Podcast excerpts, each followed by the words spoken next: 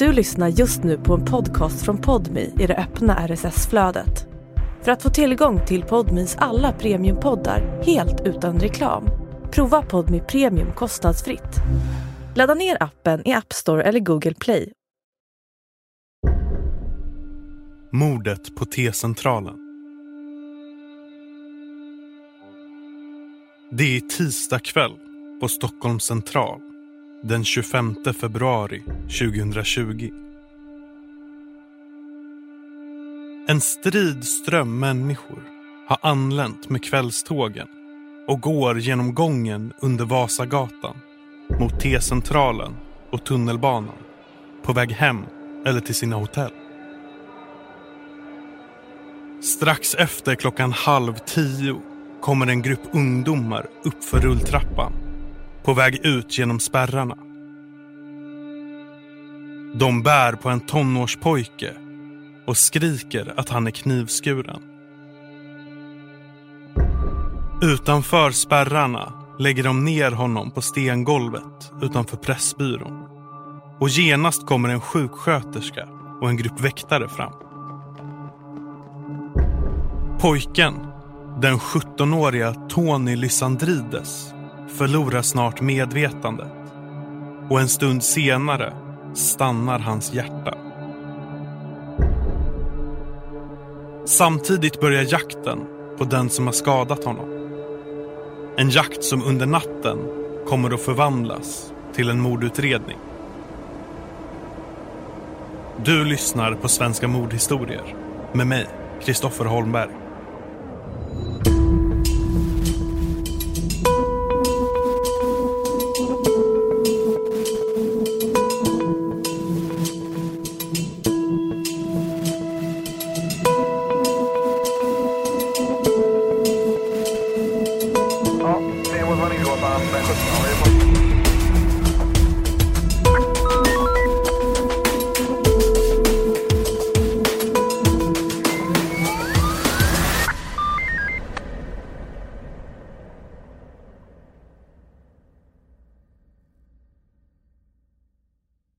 Tony Lysandrides är 16 år när han flyttar från Södertörn till en lägenhet i Skärholmen i sydvästra Stockholm med sin mamma och sina två yngre syskon.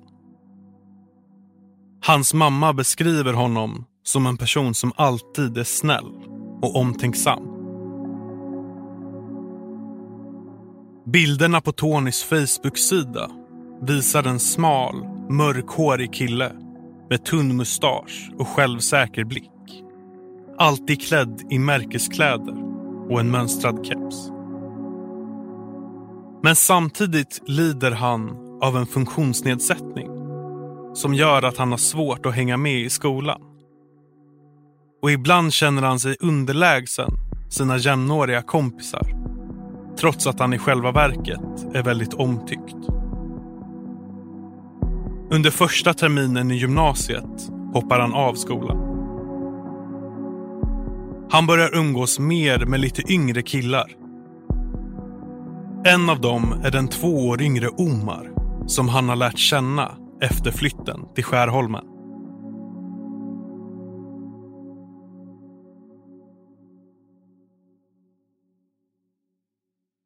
Under hösten 2019 har Tony en flickvän, Linda, som han umgås med nästan varje dag. När Linda gör slut är Tony förkrossad. Han sitter allt mer framför datorn och vänder på dygnet. Tony och hans mamma har flera bråk om hans dygnande som slutar med att Tony flyttar hem till sin mormor ett tag.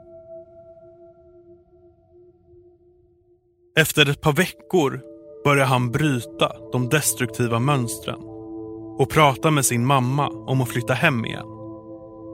De längtar efter varandra. Kanske kan Tony försöka komma in på en yrkesutbildning och bli elektriker, snickare eller låssmed, tänker de. Men så kommer det inte bli.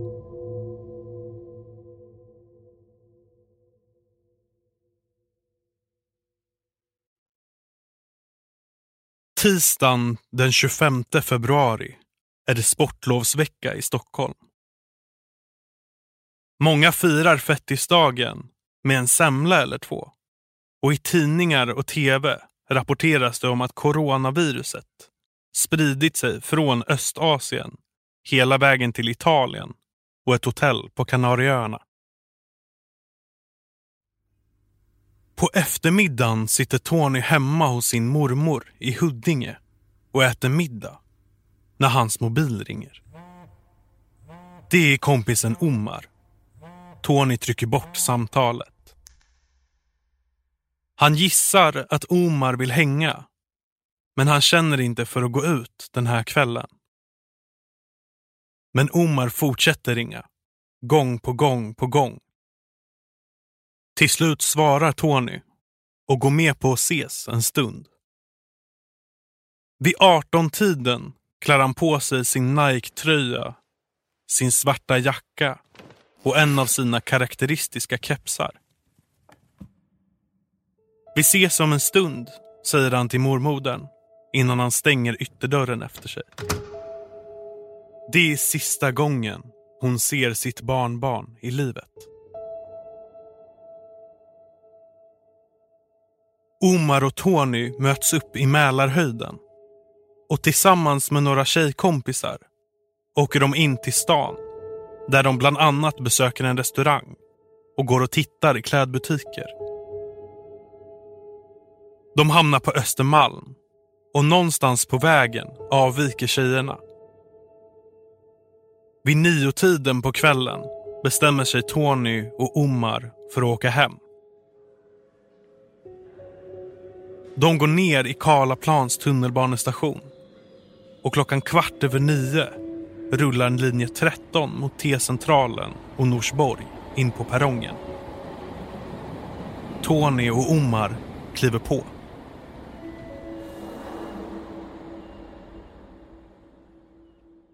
I vagnen bredvid sitter fem killar i åldrarna 17 till 21. Det är ett brokigt gäng där alla inte känner varandra och kommer från olika delar av stan. Värmdö, Sätra, Solna, Sundbyberg och Akalla. Fyra av dem har träffats inne i city och sen tagit tunnelbanan ut till Ropsten där den femte, 17-åriga John, mötte upp. John är narkotikapåverkad när han träffar de andra killarna i Ropsten. Den här dagen har han enligt sin egen berättelse självmedicinerat med smärtstillande tramadol och det narkotikaklassade ångestdämpande Xanax. Han är tidigare dömd för narkotikabrott och bakgrunden till att han missbrukar är att han mår psykiskt dåligt. John är diagnostiserad med atypisk autism och ADD som gör att han har svårt att kommunicera med andra människor. Den här dagen har han tagit bussen från sitt hem på Värmdö och därefter åkt runt i Stockholm. Ibland behöver han bara komma bort från allt, är förklaringen till hans resa efteråt. Senaste timmen före mötet har han varit ute på Lidingö. Den i gruppen som har bestämt träff med John är den 18-åriga Evan. Precis som John har Evan hållit på med droger. Han har blivit avstängd från sin skola efter att ha eldat inne i ett klassrum. Och han har även dömts för grov misshandel efter att ha stuckit en annan kille med kniv. Socialtjänsten skriver i en rapport att Evan har svårt att förstå konsekvenserna av sina handlingar. Efter händelsen vistades den impulsstyrde Evan en tid på ett ungdomsboende.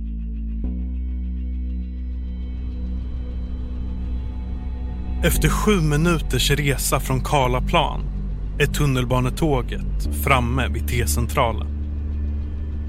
John och Evan och deras tre följeslagare går ur tåget. Och det gör också Tony och Omar. Något som kan uppfattas som underligt eftersom Omar berättar i förhören att han och Tony var på väg hem. Och då är det just det här tunnelbanetåget de borde åkt. Medan gruppen med de fem killarna beger sig ner mot blå linjen till Hjulsta och Akalla tar Tony och Omar rulltrappan ner till plattformen under och ställer sig vid spår 3. Vilket är en ännu större gåta. Från spår 3 går nämligen röda linjen mot Mörby centrum och Ropsten. Vilket är det håll de precis kommit ifrån. Den narkotikapåverkade John, den impulsstyrda Evan och de andra fortsätter den tre minuter långa vägen ner till blå linjen, 30 meter under jorden. De åker ner för rulltrapporna från röda och gröna linjen och tar den sista korta rulltrappan ner till perrongen. Där fångas de av övervakningskameran. De fem vänder sig mot varandra som om det pågår en diskussion. De verkar bestämma sig för någonting. För direkt när de kommer ner på perrongen vänder de 180 grader och åker tillbaka samma väg som de kom. Klockan två minuter i halv tio, tisdag den 25 februari 2020, är de fem uppe på plattformen vid spår 3, där Tony och Omar står och väntar.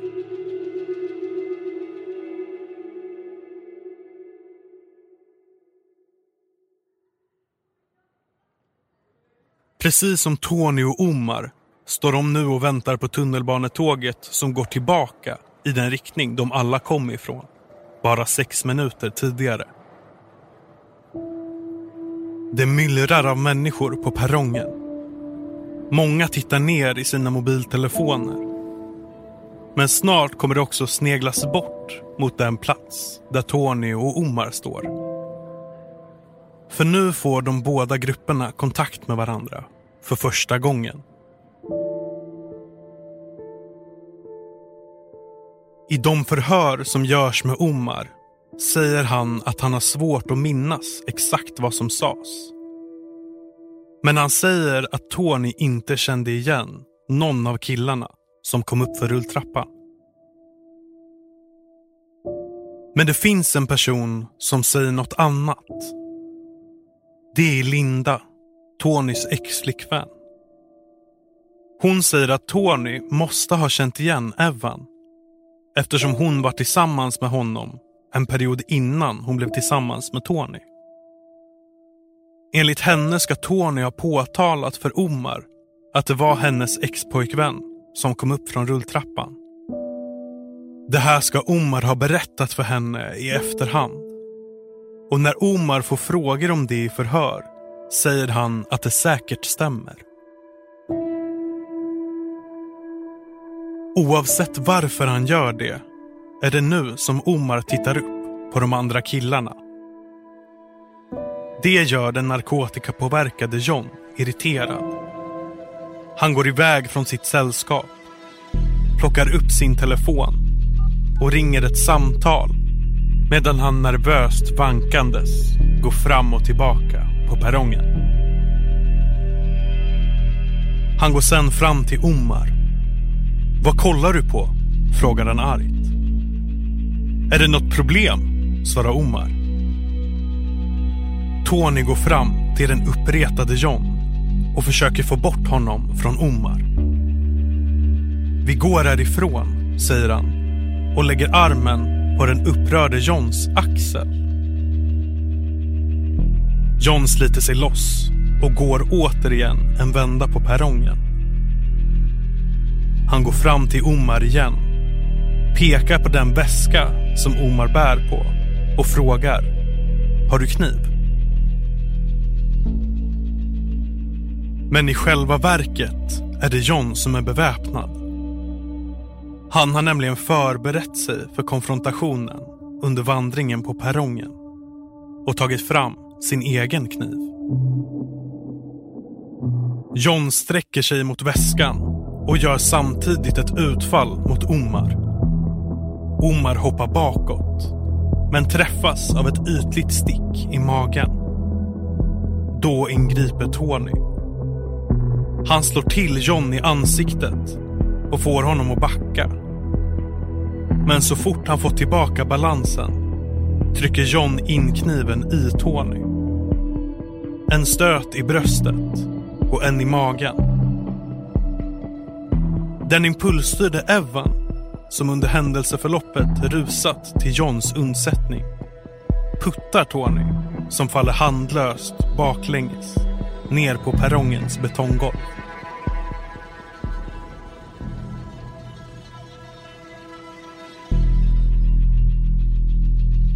Det är ingen av människorna runt omkring som ser kniven. Allt går fort och bråket ser för åskådarna ut som att killarna mest står och knuffar på varandra. Dessutom riktar många ögonen mot tunnelbanetåget som nu rullar in på perrongen. Samtidigt som den knivstuckna Tony reser sig upp för att börja springa mot uppgången mot Vasagatan kliver passagerarna ombord. Det gör även de fem killarna med den narkotikapåverkade John i spetsen. Omar springer efter Tony oviss om att hans vän håller på att förblöda. Men i rulltrappan upp mot spärrarna faller Tony plötsligt ihop. Omar blir hjälpt av en grupp tjejer som de just sprungit om i rulltrappan. Och tillsammans bär de Tony den sista biten, ropandes efter hjälp.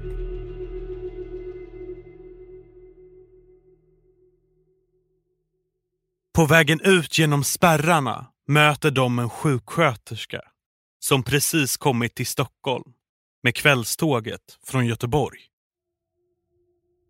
Tillsammans lägger de ner Tony utanför Pressbyrån där sjuksköterskan och två stressade vakter börjar undersöka honom. En skara människor tittar förvirrat mot tumultet och en av väktarna har larmoperatör Hej, jag Ryan Reynolds. På Mint Mobile, we like to do the opposite of what Big Wireless does. They charge you a lot, we charge you a little. So naturally, when they announced they'd be raising their prices due to inflation, we decided to deflate our prices due to not hating you. That's right. We're cutting the price of Mint Unlimited from $30 a month to just $15 a month. Give it a try at mintmobile.com slash switch. $45 upfront for three months plus taxes and fees. Promote rate for new customers for limited time. Unlimited more than 40 gigabytes per month. Slows. Full terms at mintmobile.com. på SOS Alarm med på telefon. Klockan är fyra minuter över halv tio på kvällen. Tisdag den 25 februari 2020.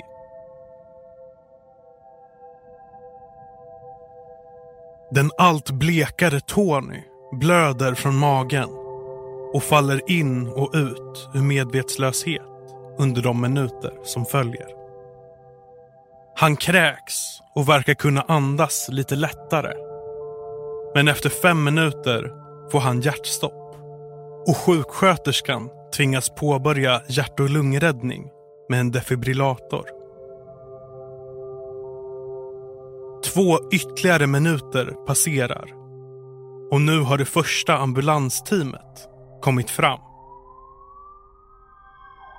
Fem minuter i tio lastas Tony in i ambulansen.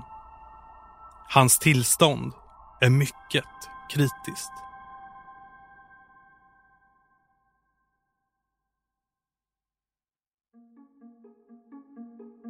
Samtidigt har polisen börjat jaga de skyldiga. Medan ambulansteamet arbetat med den svårt skadade Tony har Omar blivit förhörd. Han har lämnat tydliga beskrivningar på killen med kniven och ytterligare tre personer ur gänget. Man försöker också få personalen i SLs övervakningscentral att spola tillbaka filmen från övervakningskamerorna på perrongen. Men de säger att en särskild bildanalysgrupp från SL behöver inkallas först.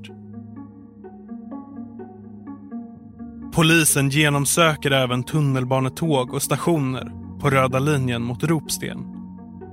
Men de misstänkta verkar ha tagit sig upp ur tunnelbanesystemet. För polisteknikerna på T-centralen är det en hopplös uppgift att säkra brottsplatsen när de kommer dit cirka en halvtimme efter dådet. Det har hunnit passera hundratals människor och eventuella spår är redan förstörda. De tvingas ge upp och får istället förlita sig på övervakningsfilmerna.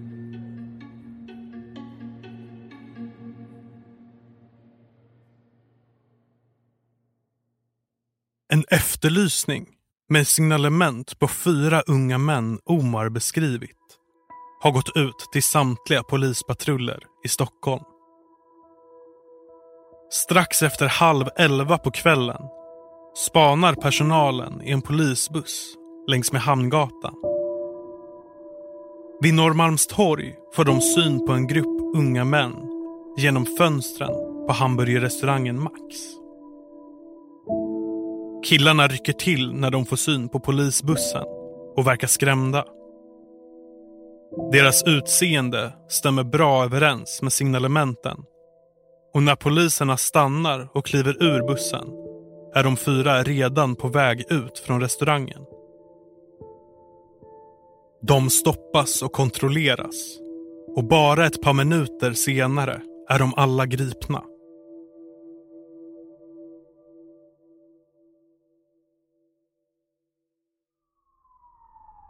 När den knivskurna Tony kommer till Karolinska sjukhuset i Solna blir han opererad och får blodtransfusion. Men efter en knapp halvtimme tvingas läkarna ge upp. Ett av knivhuggen har skadat hjärtat allt för illa. Klockan fem i halv elva bara minuter innan polisen i den patrullerade bussen får syn på de fyra misstänkta förklaras Tony död av läkare. Han blir 17 år, 5 månader och 10 dagar gammal.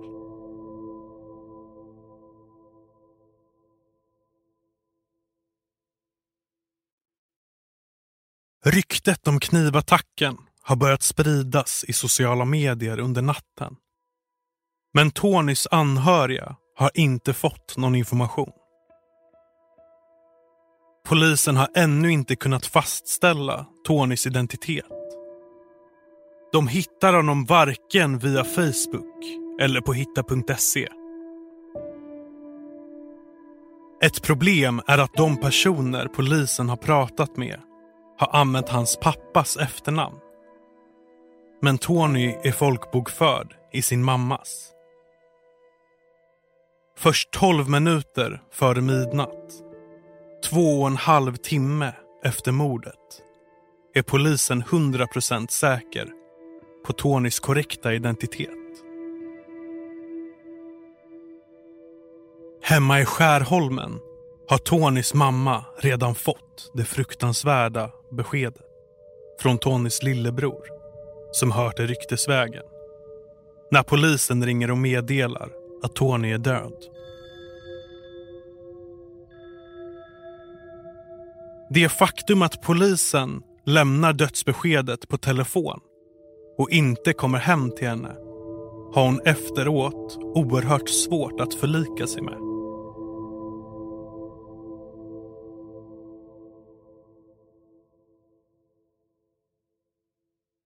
I samma ögonblick som Tony dör startar polisen en förundersökning om mord.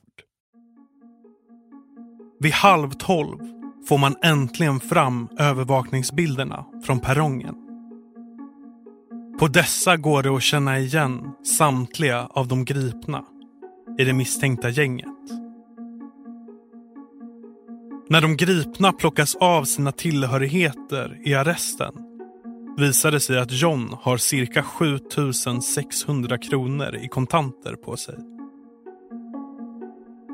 Polisen hittar även narkotika och en pistolattrapp. Men inte någon kniv. Under natten delges samtliga fyra misstanke om mord. Alla nekar till brott. När förhöret med den narkotikapåverkade John är slut bryter han ihop och börjar gråta. När en läkare undersöker John en stund senare uppfattar hen det som att verkligheten har kommit ifatt John. När polisen under onsdagen analyserar övervakningsbilderna från bland annat T-centralen och Max identifierar man hur en femte person som varit med på perrongen försvinner från hamburgerrestaurangen minuten innan polisen anländer. Mannen, en 19-åring, efterlyses. De fyra gripna blir snart häktade och veckorna som följer gör polisen flera försök att få dem att berätta om kvällen. Det visar sig svårt. Inga kommentarer svarar de. De är fåordiga och vägrar att ens namnge varandra. Polisen vill framförallt förstå varför gruppen minuterna före mordet plötsligt vänt tillbaka efter att de tagit sig ner till blå linjen. De försöker också förstå varför Lindas expojkvän Evan ger John, som stack kniven i Tony, över 7000 kronor när de kommer in på Max efter händelsen. Pengar som John hade på sig när han greps. Några av de misstänkta svarar att tanken var att killarna skulle åka hem till någon i Husby. Men att planen ändrades. Pengarna som Evan gav till John kort efter mordet ska enligt dem ha varit Johns hela tiden. Evan har bara hållit i dem ett tag. Eventuellt i samband med att John bytt jacka efter mordet.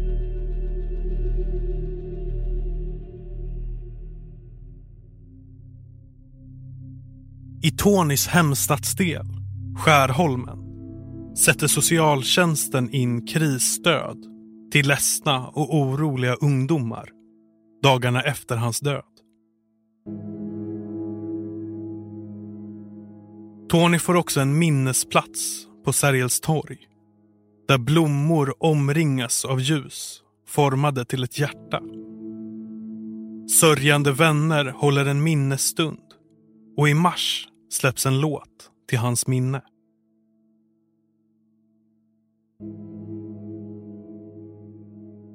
En som inte vill vara med i polisutredningen är Tonys kompis Omar. Som ju själv blivit ytligt knivstucken under bråket på perrongen. Dagarna efter mordet reser han utomlands eftersom hans familj befarar att han är hotad. Först i slutet av april är han hemma igen och kan berätta om händelserna för polisen. Men det blir bara ett förhör och polisen får till exempel inte svar på frågan om vad Omar och Tony gjorde vid tåget mot Ropsten när de skulle mot Norsborg.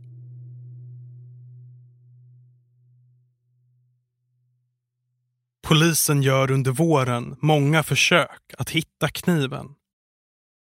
Men trots att de misstänktas flyktväg har kartlagts hittar man den inte. På bilderna från övervakningskamerorna syns det tydligt att det är John ensam som utfört dådet. Dessutom har blod från Tony hittats på Johns jeans. Och han har dessutom erkänt att han har stuckit kniven i Tony. När polisen går igenom mobilchattar mellan de inblandade före mordet hittar de ingenting som tyder på att händelsen var planerad i förväg. De andra killarna, inklusive den misstänkta 19-åringen som gripits i mars, släpps ur häktet under april. Och den 17 juni 2020 åtalas John som ensam gärningsman vid Stockholms tingsrätt. Både för mordet på Tony och för mordförsök på Omar. I åtalet står det att han visat en hänsynslöshet som orsakat synnerligt lidande för Tony. Och att han genom ett medvetet allvarligt risktagande har orsakat hans död. Vid rättegången nekar John både till mordet och mordförsöket eftersom han inte haft avsikten att döda. Han säger att kniven användes som ett svar på det slag han fick av Tony precis innan. I augusti 2020 kommer tingsrättens dom. Tingsrätten går på åklagarens linje och kommer fram till att John ska dömas för mord och försök till grov misshandel. Brottet skulle normalt motsvara 14 års fängelse. Men straffet ska sänkas på grund av Johns ålder. Och dessutom ska unga brottslingar bara dömas till vanligt fängelse om det finns synnerliga skäl. Annars gäller ungdomsvård. Men eftersom John trots allt är 17 år och brottet är så pass allvarligt anses de synliga skäl som krävs vara uppfyllda. Tingsrätten dömer därför John till sex års fängelse. John överklagar till Svea hovrätt som i oktober 2020 ändrar på domen. Hovrätten bedömer bevisen på samma sätt som tingsrätten. Men trots att hovrätten kommer fram till att gärningen motsvarar ett högre straff än vad tingsrätten kom fram till, cirka 17 års fängelse, mildrar de domen för John, som istället döms till ungdomsvård. Det hade krävts ännu mer extraordinära omständigheter för att döma till fängelse, menar man.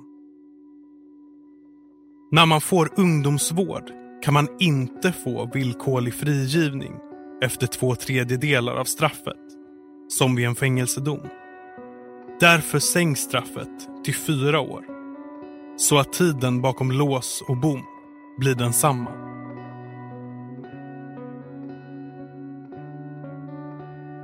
En av de fyra som suttit häktad för sin inblandning i mordet på Tony utan att sen bli åtalad går ett mörkt öde till mötes.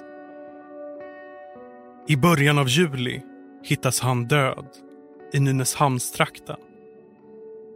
I augusti griper polisen tre män för händelsen.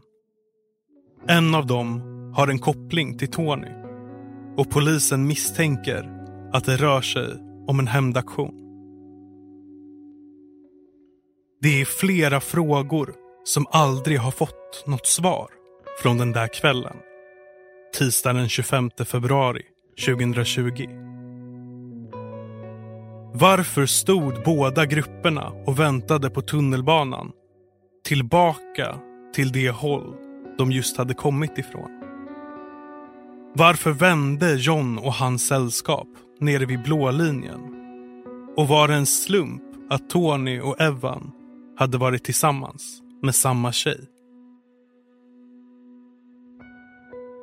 Men en sak är det inget tvivel om. Tony Lysandrides gick emellan för att skydda sin kompis där på perrongen inte bara en, utan två gånger. Och den andra gången kostade det honom livet.